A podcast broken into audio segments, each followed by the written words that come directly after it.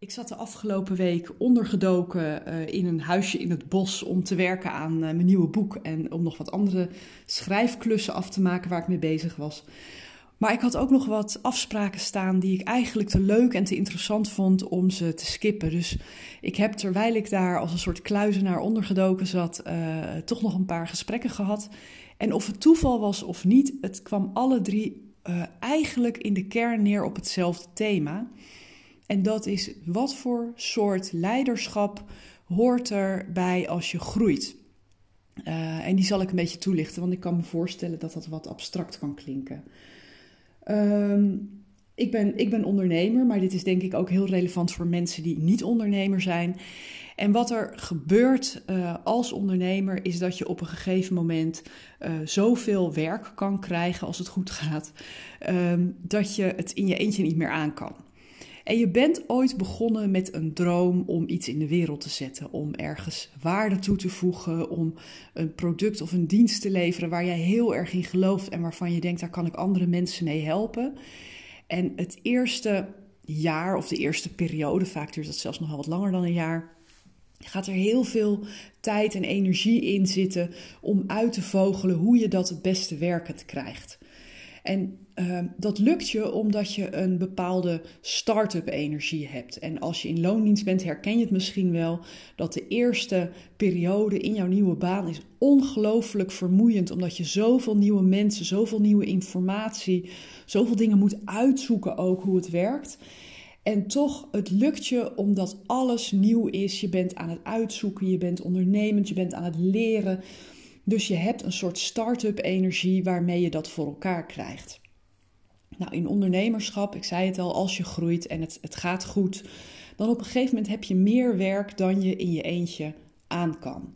En dat is dus de tijd dat je je team gaat uitbreiden. Dat je iemand in dienst neemt, uh, of in ieder geval iemand inhuurt. Dat kan natuurlijk ook hè, op, op, op ZZP-basis.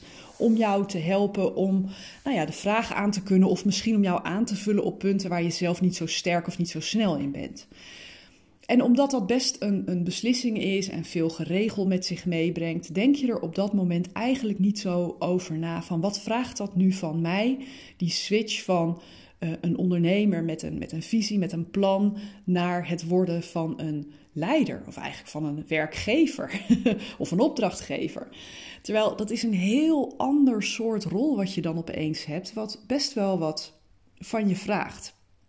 En uh, de drie gesprekken die ik deze week heb gehad, dat waren allemaal uh, ondernemers die op dit moment in een soort groeikramp zaten. En groeikramp, dat betekent dat uh, het team groeide. Uh, ze zijn begonnen alleen of met z'n tweeën. Het team is uitgebreid, er zijn mensen bijgekomen. Uh, ze zijn nu een paar jaar bezig en ze ontdekken eigenlijk dat de dingen niet zo lopen als ze zouden willen. En ehm, je hebt daar een aantal verschijningsvormen van. Je kan uh, dat herkennen aan dat je eigenlijk zelf helemaal niet meer doet wat je ooit zo leuk vond, maar dat je alleen nog maar aan het leiding geven bent. Um, het kan een verschijningsvorm hebben dat je ontzettend aan het micromanagen bent, omdat je zeker wil weten dat de mensen die je hebt ingehuurd ja, dezelfde kwaliteitsstandaard aanhouden als die jij hebt. Hè, dat ze het werk uh, opleveren op een manier dat jij ook wel echt je naam daaraan wil verbinden. Dus dan, dan ga je er echt bovenop zitten. En wat ik uh, in een van de gesprekken ook heel erg merkte, was uh, ja, dat er een soort verveling optrad. Want die, die start-up energie, die is natuurlijk ook wel ontzettend verslavend. Het, het innoveren, het zoeken hoe je het werkend krijgt, de kicks als er iets lukt. maar ook af en toe de, de diepe put waar je in ligt als je merkt van iets waar je heel hard aan gewerkt hebt, dat dat, dat gewoon niet, ja, niet gaat vliegen op de manier die je verwacht had. Ja, dat, dat doet iets met mensen. En ik ben zelf ook door die fases heen gegaan, dus ik herken dat maar al te goed. En met name die verslaving aan die start-up energie, ja, dat is iets waar ik uh, ontzettend, uh, nou ja, waar ik mezelf ontzettend in herken natuurlijk. En uh, als je even uitzoomt waar dat uh, op neerkomt, is dat uh, elke fase, elke volwassenheidsfase die jij uh, opschuift, of eigenlijk als jij evolueert, vraagt het weer iets anders van jouw leiderschap. En ehm, ik zal niet zeggen, je kan je beperken tot alleen maar de dingen doen die jij leuk vindt of, of, of, waar, je, waar je energie op zit. Maar wat wel zo is, is dat het op een gegeven moment heel uh, nuttig kan zijn om echt even terug te gaan naar waarom deed ik dit ook alweer? Was het inderdaad omdat ik heel graag met mijn handen aan de knoppen wilde zitten en gewoon lekker pootjes in de klei, heel hard bezig, direct met klanten? Want dan kan het best zijn dat jij dat op dat moment mist. Op het moment dat jij een team inhuurt die daar volop mee bezig is en jij zelf eigenlijk alleen maar de randvoorwaarden aan het regelen bent, ja, hoe leuk is dat dan nog voor je? Dan kan het best zo zijn dat je daar een beetje een kater van hebt. Uh, aan de andere kant, als je, uh, net als wat ik vaak heb, die start-up energie heel erg mist, ja, dan kan je ook even uitzoomen en denken van wat heb ik nodig uh, om gewoon de, de dagelijkse praktijk draaiende te houden voor mezelf, zodat ik me echt weer kan storten op een nieuw project of op innovatie of op nou ja, het uitvogelen van een, een hele nieuwe denktrand of een hele nieuwe productlijn of waar dan ook jouw expertise ligt. Dus dan uh, heeft jouw bedrijf nodig dat jij daar uh, iemand voor inzet die dat stukje van jou kan overnemen. En uh, waar het in de kern op neerkomt, is dat jouw bedrijf. Nee, jij bent er niet om jouw bedrijf continu van levenskracht te voorzien. Jouw bedrijf is een instrument om jouw ideale leven mogelijk te maken. En als je in loondienst bent, dan kan je een vergelijkbaar soort vragen stellen. En natuurlijk zitten daar wel wat andere nuances in en heb je ook niet altijd de vrijheid om, om, om zeg maar een, een scherpe bocht een andere kant op te maken. Maar als je daar uitzoomt en denkt: ik ben dit werk gaan doen omdat ik puntje, puntje, puntje. Waarom deed je dat? En ga eens terug naar hoe ziet jouw ideale leven eruit? Wat geeft jou energie? Wat, wat wil je doen? Hoe ziet je privéleven eruit? Wat zijn de dingen waar je plezier aan beleeft? En in hoeverre uh, is het leven zoals je het nu inricht, met de baan die je nu hebt, maakt die dat leven ook echt mogelijk? Of, of heb je eigenlijk een soort ja, deuren dichtgegooid omdat je zoveel energie aan het uh, verspijkeren bent aan iets waar je misschien helemaal niet meer zoveel plezier in hebt als dat je ooit had? Nou, dat inzicht dat kwam natuurlijk niet voor niks, want dat heb ik zelf ook meegemaakt. En als ik heel eerlijk en open tegen je ben, maak ik dit eigenlijk bijna elke twee jaar mee. Uh, ik heb uh, een coach zelf en laatst kwamen we tot het inzicht dat uh, nou ja, ik dus echt heel erg verslaafd ben aan die, aan die start-up energie. Dat ik het het allerlekkerst vind om nieuwe dingen te bedenken, om nieuwe dingen te leren, dat te vertalen naar producten, om verbanden te leggen tussen allerlei verschillende theorieën en dat heel praktisch wil vertalen en daar dan uh, andere mensen mee wil helpen. Maar op het moment dat ik dat een aantal keer gedaan heb, en uh, het product gaat vliegen en ik heb uh, ondersteuning nodig om uh, dat een fase verder te brengen en, en om aan de vraag te kunnen voldoen, ja, dan haak ik bijna een beetje af. Hoezeer ik ook geloof in het product wat ik heb ontwikkeld en hoe ontzettend veel plezier ik er ook in had om daar me helemaal in te gooien. Ik heb weer honger naar iets nieuws. En als ik mezelf dat niet gun, dan droog ik op een gegeven moment op en word ik zelfs nou ja, kan ik daar echt wel een beetje, een beetje down van worden. Dan voel ik me bijna een, een, ja, een slaaf van mijn eigen bedrijf.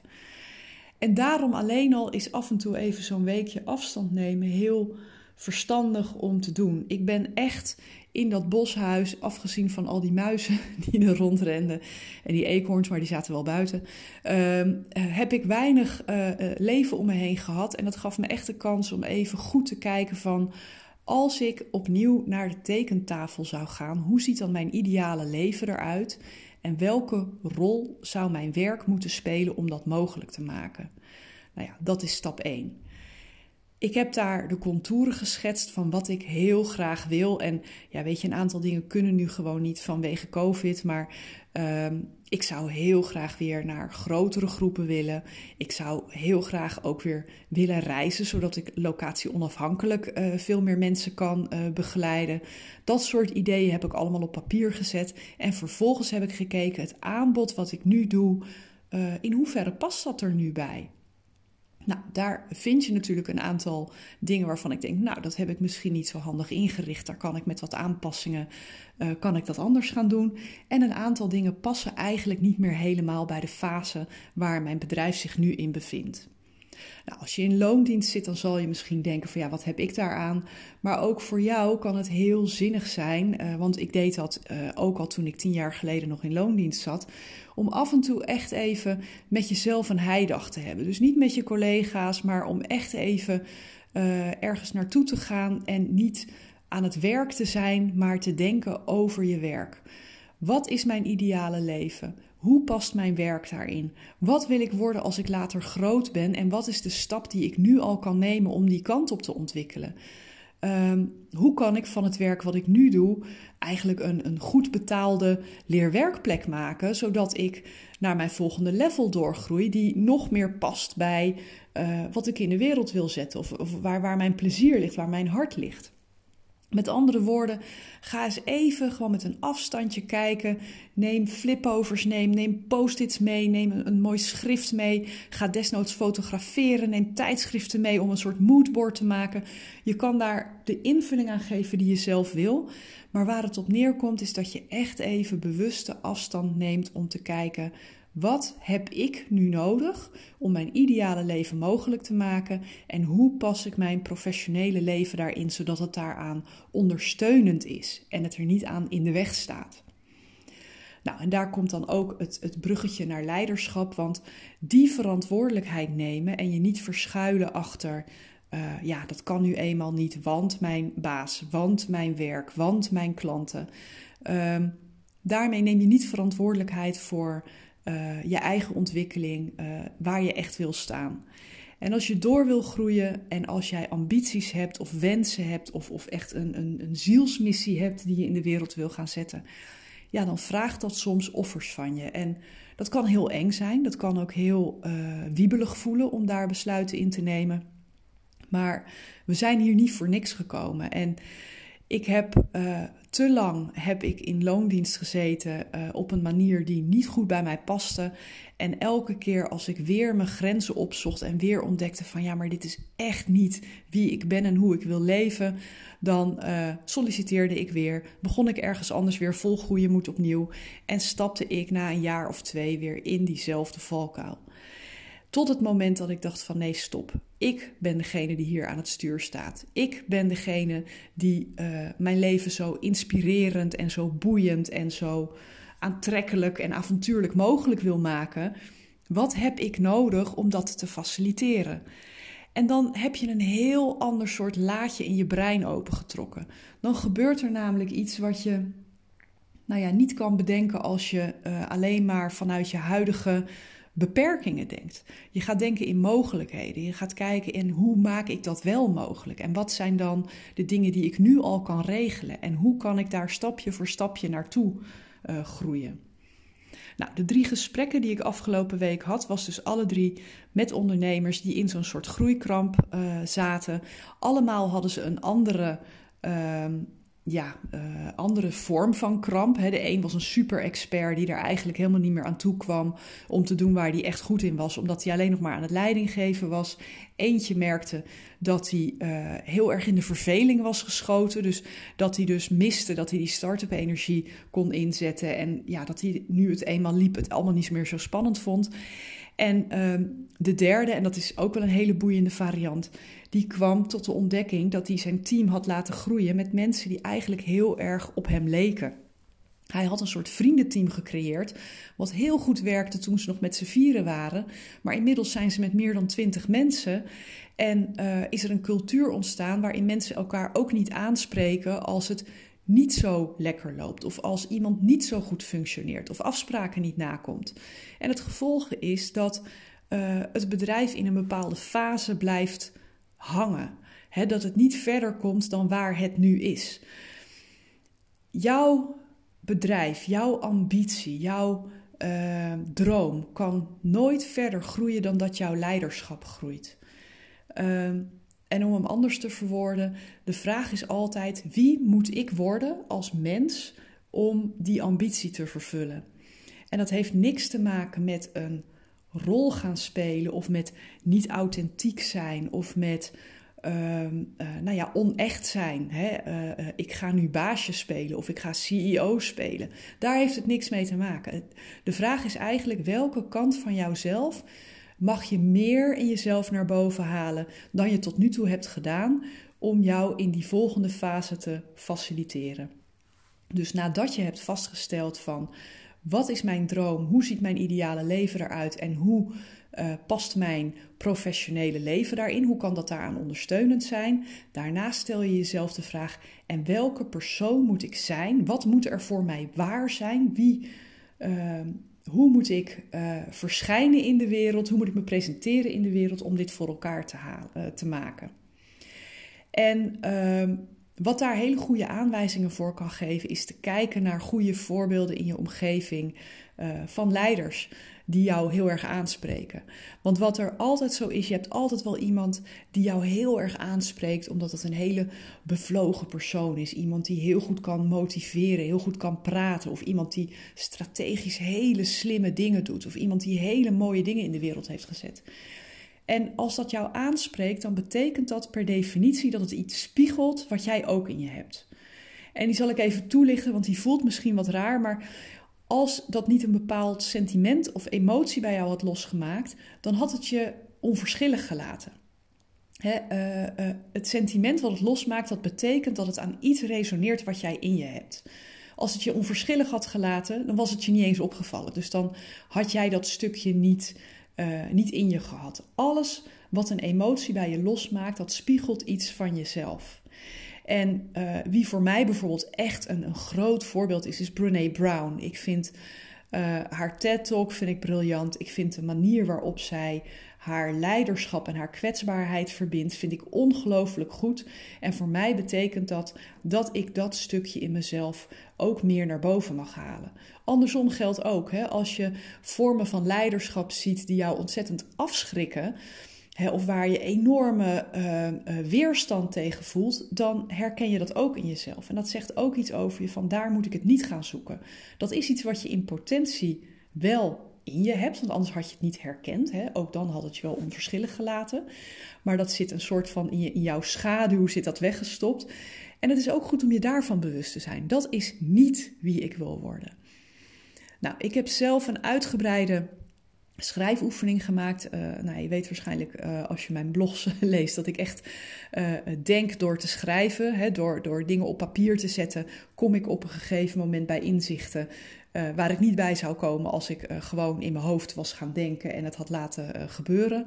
Dus als schrijvend kwam ik inderdaad tot een aantal inzichten van wie moet ik zijn om in 2021 weer een stapje te gaan zetten met mijn leiderschap. En dat betekent voor mij dat ik van een aantal dingen afscheid ga nemen, die ik tot nu toe met heel veel liefde en plezier heb gedaan, maar die niet meer passen bij de ambities die ik heb op de langere termijn. Maar het betekent ook dat ik op een aantal andere punten een, een grotere jas ga aantrekken. Dat ik meer in die rol wil gaan schuiven van dat leiderschap wat nodig is om naar mijn volgende fase toe te groeien. Nou, ik hoop dat dit niet al te abstract voor je is, maar dat ik je een aantal aanknopingspunten heb gegeven. Of je nu zelf ook ondernemer bent of, of in loondienst zit. Maar als je iets meepikt uit mijn verhaal, laat het dan alsjeblieft zijn. Ga nadenken hoe jouw ideale leven eruit zou zien als alles mogelijk is. En hoe past in dat geval jouw professionele leven daarbinnen? En vervolgens, en wat voor soort leiderschap past erbij het maken van die volgende stap die je wil gaan zetten? Het betekent dat dat je nieuwe uh, vaardigheden moet gaan ontwikkelen? Betekent dat dat je zichtbaarder moet worden? Betekent het dat je je meer moet gaan uitspreken? Dat zijn allemaal hele legitieme manieren uh, nou ja, om, om, om een stapje te maken in de richting van waar je uiteindelijk wil uitkomen als je in je next level zit. Nou, dit was hem voor deze week. Ik uh, dank je wel voor het luisteren. Heel fijn dat je er weer bij was bij deze overpeinzing. Aanstaande donderdag is er weer een interview en ik heb weer een hele mooie uh, op de planning staat. Die gaat over uh, teams en over het belang dat het af en toe een beetje knettert en schuurt in teams. Dus dat is weer een heel ander onderwerp. Dus ik nodig je erg uit om daar ook naar te luisteren komende week. Als je dat nog niet hebt gedaan, abonneer je dan alsjeblieft op de podcast. Dan je, ontvang je altijd als eerste een berichtje uh, dat er weer een nieuwe is. En uh, als je dat nog niet wist, tot het eind van het jaar geef ik elke donderdagavond een gratis inspiratiesessie. En die beginnen om half acht. Ze duren een half uurtje en ze gaan allemaal over uh, een nieuwe definitie geven aan leiderschap. Dus inspirerend leiderschap. Wil je daarbij zijn? Stuur me even een berichtje op petra.deimplementatiedokter.nl En je kan me natuurlijk ook altijd een uh, persoonlijk berichtje sturen via Facebook als je me zoekt op de implementatiedokter. Of via Instagram waar ik ook bekend ben als implementatiedokter. Ik wens je een hele fijne dag en tot de volgende aflevering.